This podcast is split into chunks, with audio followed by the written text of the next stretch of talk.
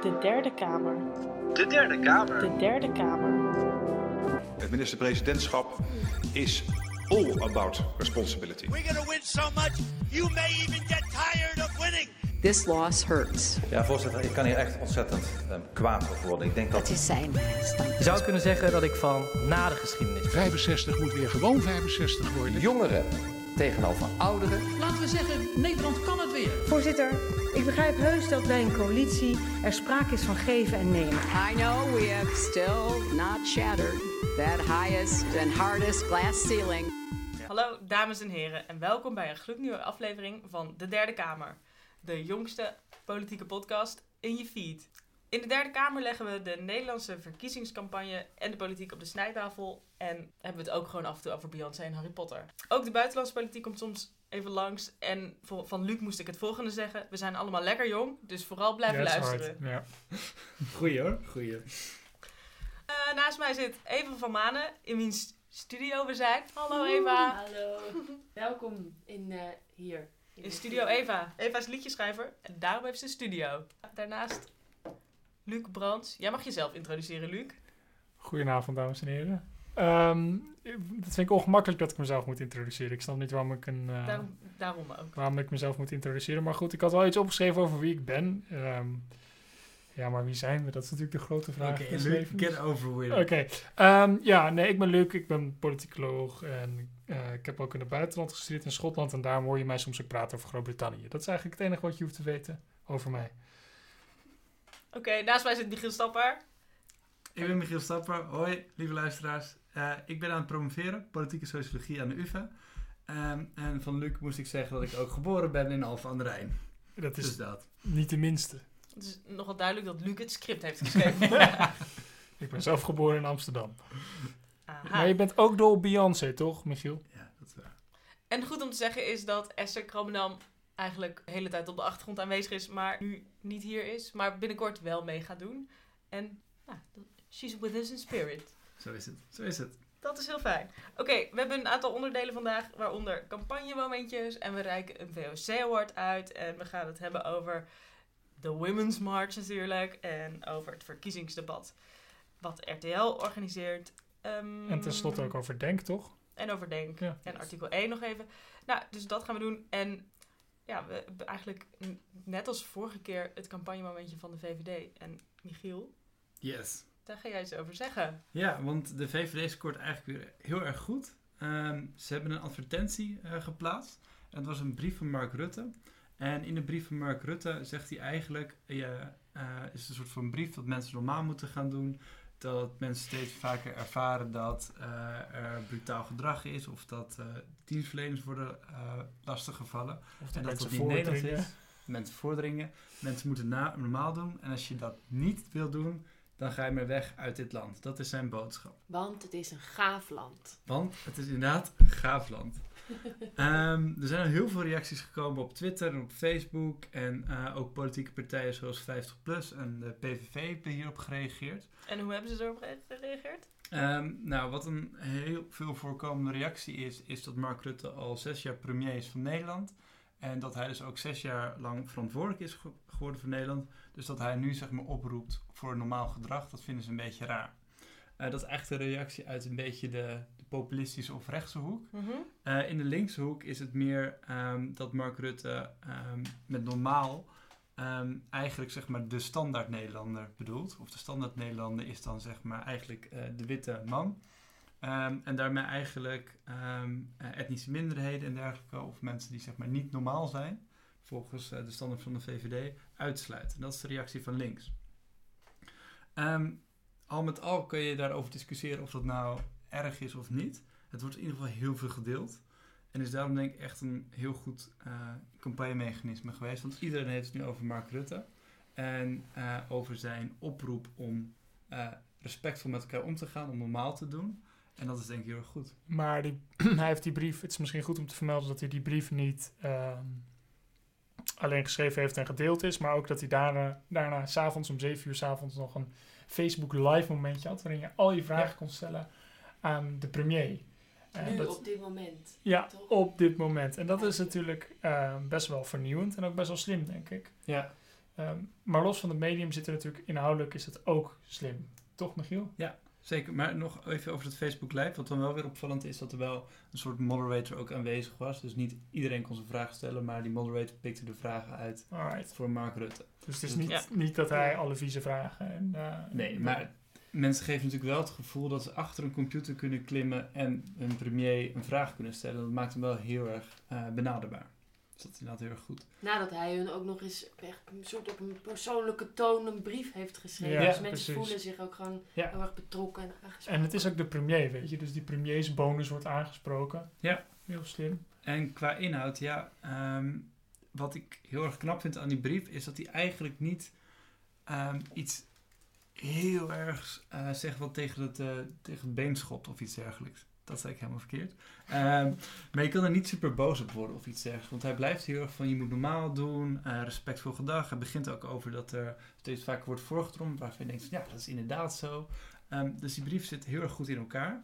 Qua inhoud is het natuurlijk gewoon, um, hey, uh, het niets minderheden aanpassen of uh, oprotten. En eigenlijk iedereen die afwijkt van de standaard, moet de standaard gaan worden. Ja. En daarbij ook nog, hij doet uh, wat hij heel sterk doet, is eigenlijk zowel een stukje CDA stelen, normen en waarden. Dit is ja. gewoon balkenende. Ja.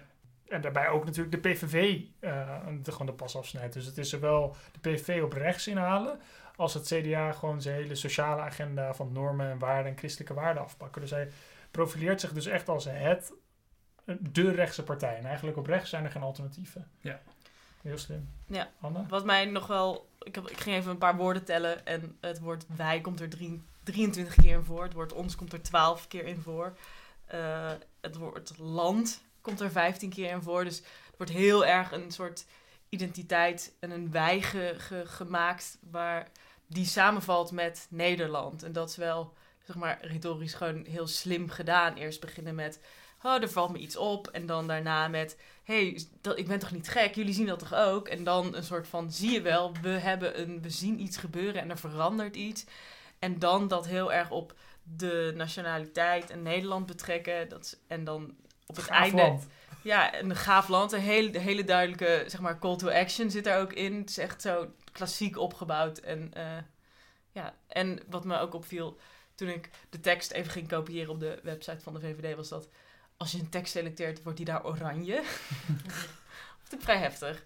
Maar goed, dus dat, uh, ja, dus het, het, is echt een wij tegen die mensen. Dus het is heel, ik vind het heel verdelend eigenlijk. Ja, met een sausje van een soort van nationale eenheid. Ja. Roept het eigenlijk op tot verdeeldheid. Ja. Wat ik wel ook echt weer super slim vind van uh, de VVD, of van Mark Rutte als persoon, is dat het, het woord gaaf claimen. Want als je nu gaaf zegt, dan associeer je dat automatisch met Mark Rutte, omdat hij alles super gaaf vindt, een super gaaf land en dergelijke.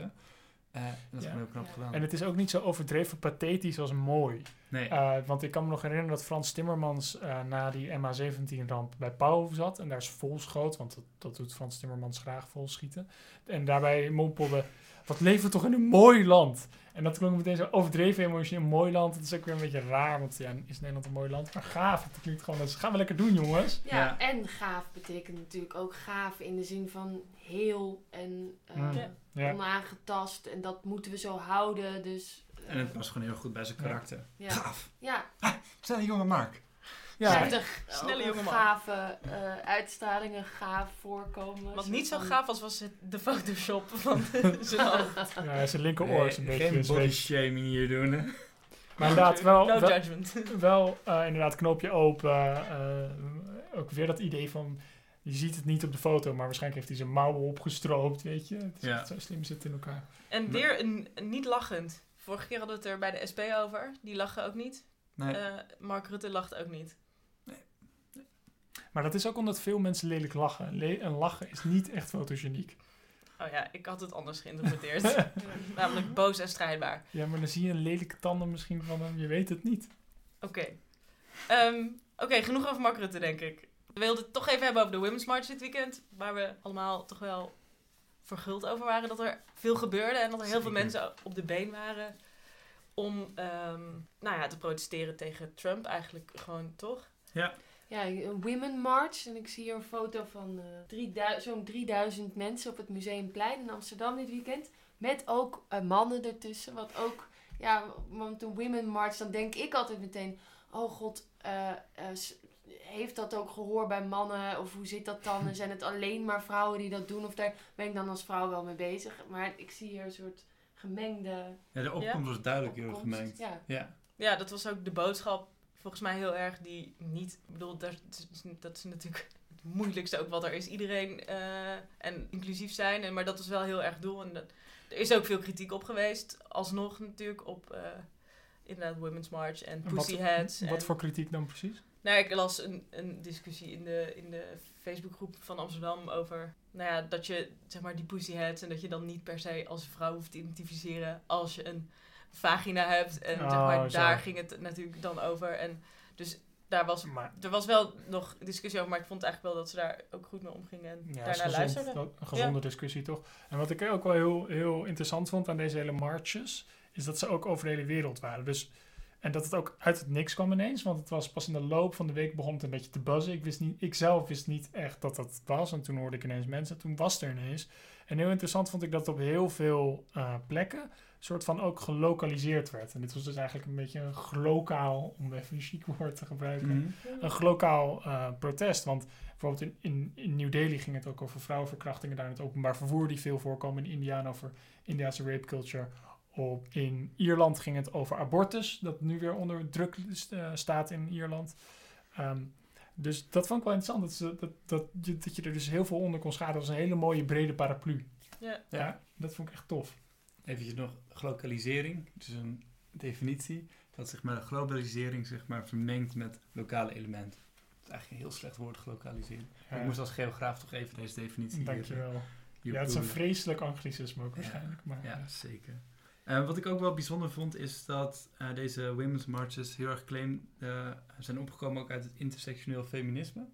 En dat is een stroming binnen feminisme, ehm, waaruit zeg maar, die, die aandacht geeft aan het feit dat je als vrouw soms te maken hebt met ongelijkheden, maar als je andere eh, identiteiten daarmee vermengt, nog andere ongelijkheden erbij komen. Dus als je bijvoorbeeld een zwarte vrouw bent, dan ben je misschien ongelijker dan een witte vrouw. Of arbeidersklasse. Ehm, arbeidersklasse of seksualiteit. Ehm, en dat het eigenlijk de eerste reactie is op Trump. eh, het intersectioneel feminisme is, gaan we waarschijnlijk daar nog heel veel over horen de komende tijd. Dat denk ik ook wel, ja. Pretty awesome. Pretty awesome, looking forward. Ja, want het grootste intersectioneel feministisch popalbum van de laatste tijd was natuurlijk Lemonade. Lemonade. Ja, oké. Anne, ben jij geweest dit weekend? Naar? Nee, dus. Oh, ik dacht naar Beyoncé. Ik, dacht, ik was helemaal verbouwereerd omdat ik dacht... Nee, Beyoncé heeft een concert gegeven en ik was er niet bij. nee, ik was er niet. Ik was bij Feyenoord. Ja, oké. Ze is ook Rotterdamse, dames en heren. Ook soort, ook, dat is ook Ik intersectionaliteit. Dat is intersectionaliteit. Heel goed. Eh, willen we het nog hebben over de re- reactie van Donald Trump? Ah, of willen willen we we zijn dat? naam, hij die niet genoemd mag worden? Ja. Nee, ja, nee. Nee, oké. Nee. Nou, maar wel misschien over dat alternatieve feitenverhaal. Dat dat wel... ehm, eh, dat was natuurlijk, los van de women's marches, of nou, enigszins gerelateerd, was er die hele discussie over de inauguratie en hoeveel mensen er wel niet waren. Ja, het was echt zo'n, eh, ik kan verder plassen dan jij dingetje. En Trump is, heeft natuurlijk een heel groot ego dat heel snel gekwetst is. Een soort van, eh, ja, een soort van klein kind is het natuurlijk. En er was daar discussie over en we hebben een hele vreemde eh, gewaarwording meegemaakt op zaterdag, toch Michiel? Ja, dat klopt. Toen was er een persconferentie en de, de persverlichter van Trump, zijn naam is Sean Spicer, eh, die claimde eigenlijk dat ehm, er anderhalf miljoen mensen bij de inauguratie waren. Eh, hij had ook foto's naast zich van, ja, van de inauguratie waarbij het leek dat er heel veel mensen waren. Eh, en ze discussieerden hier eigenlijk zeg maar, de, de claims van verschillende media dat er maar tussen 250.000 en 500.000 mensen bij de inauguratie waren. Ehm, en dat een persvoorlichter van een president op eigenlijk dag 1 in discussie gaat met de media en ze eigenlijk claimt dat de media liegt. Ehm, terwijl de feiten toch wel echt anders spreken, is heel erg eng. Ehm, en misschien ook wel soms een beetje grappig, maar misschien toch heel erg eng. Eh, maar waardoor ik het nog, misschien nog wel wat enger ging vinden, is dat Kelly M. Conway, voor jullie die niet kennen, dat is een eh, woordvoerder van ehm, Trump, die echt heel erg goed is in antwoorden niet beantwoorden, uh, vraag niet beantwoorden en ehm, alles verdraaien. Uh, die zei tegen een um, interviewer: Ja, maar het zijn gewoon alternative facts. En wat heel erg eng is aan deze Trump-administration is dat ze eigenlijk een soort van de realiteit willen claimen. Uh, zonder de, zeg maar, inmenging van wetenschap, feiten of ware ja. gebeurtenissen. En dat is echt, dat doet mij een beetje denken aan 1984, George Orwell. Verdomme, ik wou dat zeggen. Oh, sorry. Misschien kun jij, kun jij, dan toch nog even over Ulysses praten? nee, niet, maar uh, um, alternative fact, ja. Um, ja. Met dat verhaal, ja, het, wat vind jij ervan, Anne? Ja, ik vind het echt zowel fascinerend als ik, dat ik niet weet wat ik ermee moet. Ik zag ook de NOS heel erg struggelen met hoe ze hier dan bericht, berichtgeving over gingen doen. Van ja, de, de woordvoerder zegt dan dat het niet waar is. Maar ja, eigenlijk zeggen alle media dat het wel waar is. Wat zeggen wij dan? een soort, ja, ja, het is gewoon echt fictie allemaal. En dat is wel, ja, dat is ook heel interessant. Maar ja, we moeten wel een antwoord daarop gaan vinden. En het antwoord zijn de pussyheads zelfgebreide, roze, rare, puntige hoedjes. Dat vind ik toch wel weer fijn. En voorlopig wel. Ja. Een soort tiethoedje. ja, Tiethoeden. Free de nippel. Okay. Uitstekend. Maar we, we, houden het heel, allemaal natuurlijk heel erg in de gaten. Ook in deze podcast. Over hoe dit verder gaat. En ook hoe uh, Donald Trump om blijft gaan met de pers. Denk ik toch jongens? Ja. Maar het wordt wel steeds meer Pyongyang en steeds minder Washington. Wat er gebeurt in Washington DC. Maar we houden het in de Lekker gaten. uit. Oké. Okay. Dat is mooi hè? Het RTL-debat uh, wilde het over hebben. Uh, wie leidt dat eigenlijk in? Ja, daar wil ik wel even over praten, maar ja, wil ik daarover praten? Ja, yeah, go for it. Ik heb mezelf al heel voor te praten. Maar um, ja, RTL organiseert een debat op 26 februari. Het zogeheten premiersdebat is dat. Um, dit is interessant, want dat doen ze al heel lang, al sinds de jaren 90. En al sinds de jaren 90 is het eigenlijk zo dat als je het daar goed doet, dan uh, is dat heel goed voor de campagne. Het, in 1998 hadden we Bolkestein tegen Kok. Nou, dat, dat was dan vervolgens de premierstrijd. En we weten ook nog wel Bos-Balkenende. Uh, en natuurlijk de vorige verkiezingen heel sterk was het het moment dat Samson vleugels kreeg. Uh, toen hij daar zo'n goede beurt maakte. Want daarvoor was het echt een strijd tussen Rutte en Roemer. Ja. Roemer ging in op zijn bek in dat debat. En, uh, en Samson, Samson die En dat is dus altijd bij het RTL-debat? Yes, dat is het RTL-debat. Um, er zijn wel meer debatten hoor. Er zijn ook radiodebatten natuurlijk, uh, die ook wel belangrijk kunnen zijn. Maar het RTL-debat, ze, het, ze noemen het ook het premiersdebat. Wat een maar dat is niet altijd zo geweest, toch? Uh, nee, volgens mij is dat iets nieuws. Maar het is wel een grote vertekening natuurlijk van de werkelijkheid van de Nederlandse verkiezingen. Want we kiezen geen premier. Maar toch, ja, je moet wat. Want uh, je moet iets verkopen, want je bent RTL. Toch noemen ze het zo. Nou, wat is nu het probleem met het RTL-debat? Is dat zij willen de vier grootste partijen uitnodigen. Uh, volgens de peilingwijzer van Tom Lauwers. Tom Lauwers is een Leidse politicoloog die alle peilingen combineert in een soort van mega uh, aggregaat overzicht. Alleen dat heel wetenschappelijk doet, dus er zijn heel veel foutmarges. Dus nu het landschap zo versnipperd is, is het heel moeilijk om te zeggen wat zijn de vier grootste partijen. En het lijkt überhaupt dat er misschien wel geen linkse partij tussen zit. Of tenminste dat de meest linkse partij die ertussen zit uh, D66 zou zijn. Dus welke partijen zouden daar nu dan bij aanwezig zijn? Michiel, jij bent uh, van de... van de peilingen. Van de peilingen die goed uitkomen voor ons verhaal. Ja, nou, dit zijn echte peilingen van Tom uh, Lauwersen. En de grootste partij op dit moment is de PVV. gevolgd door de VVD en daarna CDA. Um, en inderdaad, de vierde partij is uh, D66. Maar binnen de foutmarge zit eigenlijk ook uh, GroenLinks. Um, uh, en de PvdA komt daar ook in de buurt. Dus de PvdA en de SP. Dus eigenlijk zeg maar voor die vierde plek um, in dat premierdebat strijden eigenlijk PvdA, SP, D66 en GroenLinks. maar heel raar natuurlijk dat er geen dat er niet sowieso een echte linkse partij bij zit. Aan de andere kant, als dat is wat mensen stemmen. Ja, maar als het zo bepalend is, dan hebben ze natuurlijk ook wel een soort van verantwoordelijkheid om daar iets mee te doen, waardoor niet de, de verkiezingsuitslag heel erg ja. bepalen. Ja, het is denk ik ook heel erg de strategie de laatste tijd van de, uh, Mark Rutte en de VVD om het tot een tweestrijd te maken tussen uh, Geert Wilders en Mark Rutte. Um, want dan is hij het redelijke alternatief.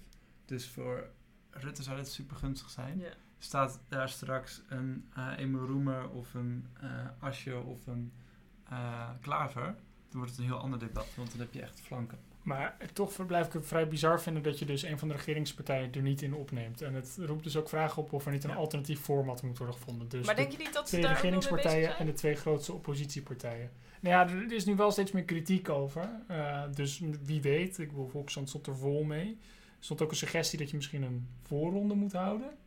Oh ja. Van vier linkse partijen. En dat dan wie, wie die voorronde wint, die mag door naar het grote RTL-debat. Ja, stemmen toch gewoon. Ja, dat is misschien een, een beetje ridicuul, maar ik vind het wel uh, heel vreemd dat je dus de PvdA niet in een tv-debat soort van verantwoordelijk kan houden. Ja, dat is Dat, dat is gek. Ja. Dus je eigenlijk twee regeringspartijen en twee oppositiepartijen of zo willen, maar dan is ook weer, ja, wat doe je dan? Het is gewoon heel moeilijk. Er zijn gewoon te veel partijen die ongeveer evenveel steun hebben. Het was trouwens nog uh, Pim Fortuyn. Ja, Pim Fortuyn. Die, hier zeg maar een enorme rel heeft gestopt toen de tijd met het NOS-debat. Omdat zij toen op 27 in de peilingen stonden of iets dergelijks. En um, zij niet werden uitgenodigd voor het NOS-debat. Omdat NOS mensen uitnodigde op basis van een aantal zetels in de Tweede Kamer. Ja. En toen begon hij de uh, NOS te boycotten. Wat echt ongehoord Oh, was ja. voor die tijd. Het was een enorme rel. Echt fantastisch. ja, ik hou er wel van. Relletje. Ehm, Zolang het Pim was, hou ik er maar ja, dit is dus natuurlijk wel weer de andere kant. Dat het eigenlijk alleen maar op de peilingen, dus de waan van de gedag, wordt gebaseerd. En dat is zonde. Zonde. Ja, terwijl de NOS zich toch juist minder, ja, dat, dat is dan de NOS, maar minder met peilingen bezig wil- wilde uiten over peilingen. Dat schreven Ja. ze aan het begin van Ja. alles. Ja. Maar ja, het gaat dus de komende tijd dus spannen of eh, welke van de vier eh, erbij gaat zitten. Ja, en ik hoop dat de RTL wel een beetje zijn verantwoordelijkheid inziet. Then again, um, eerlijkheid gebied me wel te zeggen dat RTL vaak eh, iets, de politieke redactie, iets, ehm, hoe zeg ik dit netjes, iets genuanceerder, nou gewoon beter lijkt te zijn dan die van de NOS, vind Ja. ik wel vaak. En ik weet niet waar dat aan ligt, maar ik heb dat ook bij het nieuws over het algemeen van RTL, dat dat toch eigenlijk beter dan de NOS in elkaar zit. Eens. Eens. Nou, Nou, eh, ik eh, Nou, hoop eh, Jezus, dat... zijn we het eens. Misschien moet ik het onderbouwen. nou, laat maar, we zijn het wel eens. Ja. nou ja, het was ook- Geen argumentatie, het, was is ook gewoon zo. RTL-redactie. zo, we zijn toch in pilotfase. het was ook de RTL-reactie die heel hard uithaalde naar het minder, minder, minder van eh, Ja. Geert Wilders. Die ze schreef toen een brief, een, eh, een eh, hoe noem je dat? Redactioneel opinie... Een commentaar, ja. ja, redactioneel commentaar. Dat dit echt te ver ging en dat ze altijd heel erg hun- hun best deden om evenwichtig rapport te doen. Maar dat dit soort dingen echt een directe aanval waren op de rechtsstaat en de normen en waarden in Nederland. En dat het niet kon. Dus, Nou, hey, bam. props voor de RTL, per ongeluk in één keer. ja. Maar Jullie mogen best gaan sponsoren, RTL. De VOC Award dan, lijkt me. De VOC Award. De. VOC Award! Pring, pong, ping. Dat was- Ah, ja, de VOC Award dit keer gaat eh, naar ehm, medewerkers binnen Defensie die eh, seksistische en discriminerende grappen maken. Eh, onlangs gingen namelijk 13 militairen en ex-militairen dienen een officiële klacht in bij Defensie. eh, omdat er eigenlijk systematisch gediscrimineerd is en seksistische opmerkingen werden gemaakt. Zo kreeg een vrouw een keer een, tampon naar haar hoofd geslingerd en eh, werd een mede- tegen mede- Marokkaanse medewerker gezegd eh, dat hij in een jihadvlucht moest stappen en niet meer zou terugkomen. En dit zijn natuurlijk echt enorm vervelende opmerkingen. eh, en die zouden niet plaats moeten hebben in het leger. Nou, op de werkvloer sowieso, zeg maar, Zeker. dat is er wel, wel goed en interessant aan, denk ik. Dat het dat zo op de werkvloer, denk ik, de meest de ruimte is waar, waar zulke grappen zeker het vaakst gemaakt worden. En waar het best wel voor mensen, denk ik, lastig is om op te staan tegen microaggressions. En dit Ja, is wel echt... Een, Microaggressions. dat is dit, toch? Mm, De micro, ik weet niet, ik vind er weinig micro aan. Ja, oké. Dat is wel... Oh ja, oh ja. Maar ik snap wat je bedoelt, ja. Nee, ja, Ja, en het kost, en het is gewoon zo, zoveel tijd gestopt in, in, vooral, dat zei je net ook, om in die tampon kopen en dat helemaal uitwerken. Terwijl je denkt, er is toch echt wel veel meer te doen bij Defensie dan. Maar het positieve Ja, vind ik ook wel dat... Ja, dat ben ik eens. En positief vind ik ook wel dat eh, het Sociaal en Cultureel Planbureau hier een groot onderzoek naar heeft gestart. Je hebt het hier natuurlijk wel over gewoon het meest conservatieve instituut in Nederland, Defensie. Het is Ja. gewoon in alles het meest conservatieve instituut in Nederland, want zo is het gewoon, zo zit het in elkaar. Ehm, dat, dat zijn legers altijd. En ze, ik bedoel, het zijn ook de grootste aanhangers van de monarchie, dat soort werk. Ik weet, weet niet hoe lang vrouwen eigenlijk al überhaupt toegelaten zijn bij Defensie. De- Dat is al behoorlijk vooruitstrevend dat Nederland, dat dat überhaupt zo is in Nederland. Want bijvoorbeeld in Groot-Brittannië mogen vrouwen niet vechten. Eh, mogen alleen maar ondersteunende rollen hebben. Ehm, dus ja, het, ik- het is al enige hoop. Er, er is hoop, denk ik. Denk ik. En ja, dat denk ik. Maar wel ook echt applaus voor deze mensen die die stap hebben genomen. Want ik Ja. denk dat ze best wel kritiek krijgen van eh, collega's. Van, oh, je moet niet zeiken en dat soort dingen. Ehm, en het is goed dat ze deze eh positie innemen nu. Dus eh, de VOC Award naar de mensen die deze grappen maken bij Defensie. Yes. En een soort van Applaus. shout-out naar deze mensen die Yay. Zich kwaad hebben gemaakt. Helden van de show. Helden van de show. Ehm, als laatste wilden we nog heel even het hebben over artikel 1. De politieke partij van Sylvana Simons, die vorige week de kandidatenlijst bekend maakte. En daarin, nou, toch niet verrassend, maar wel echt heel anders was dan de kandidatenlijsten die we eerder hadden gezien. Namelijk drie vrouwen volgens mij bovenaan. Ja. En ehm, veel verschillende mensen van verschillende afkomst. En ehm, dat vonden we fijn. Ja, het was echt een hele diverse eh, kandidatenlijst. En ik denk ook wel, zeker in vergelijking met bijvoorbeeld GroenLinks. ehm, en ook wel PvdA, of gewoon linkse partijen. Dus eigenlijk een heel groot verschil in diversiteit. En dat dat echt heel zonde is voor die partijen. Misschien laten ze daar wel echt kansen liggen. Ja, dat denk ik zeker. Luc laat nu een heel leuk plaatje zien van Ja. Marianne Thieme... die zegt dat de strijd van Aletta Jacobs nog niet voorbij is. Nee, precies. Ik, ik laat het eigenlijk even zien aan jullie, omdat ehm, natuurlijk het is, denk eh, verdient lof hiervoor. Of denk niet, sorry. Artikel 1 verdient lof hiervoor. Eh, alleen het is wel klassiek zo dat, of klassiek al a- enige jaren zo dat de Partij voor de Dieren de, meest, de meeste vrouwen op de lijst heeft staan en ook de meeste vrouwen in de Kamer. 60% van de kandidaten is vrouw. Ik weet niet hoe dat zit bij artikel 1, maar ehm, ik, Ja. ik neem het even op, want er werd gezegd linkse partijen. Ja, oké. Nee, ja, Marianne Thieme heeft Nee, hier veel, heel vaak al een En punt van gemaakt. Ook echt fucking goede speeches in de Tweede Kamer, waar ze echt... Ja. Absoluut, waarin zij echt de, sterke, goede vrouwelijke vertegenwoordiger is van die partij. En, eh, Ik Wat misschien wel ook wel weer aangeeft hoe hard je dat moet schreeuwen voordat het gehoord wordt. Ja. Zeg maar dus dat je in de Tweede Kamer, als het gezegd wordt, dat het dus... Ja, Ja. de politieke redacties het misschien toch niet belangrijk genoeg vinden om er echt een punt van te maken. Terwijl Savannah Simons zit natuurlijk echt in de media, waardoor het, ze claimt die plek gewoon. Dus Ja. ja, Denk was flink kwaad op dat zij eh, en de persvoorlichter van Denk, die is meegegaan naar, eh, eh, naar artikel 1. En de, de- Sylvana Simons hebben ze voor eh 30.000 euro eh, aangeklaagd. En ehm, de persvoorlichter voor 40.000 euro. Waarom eigenlijk?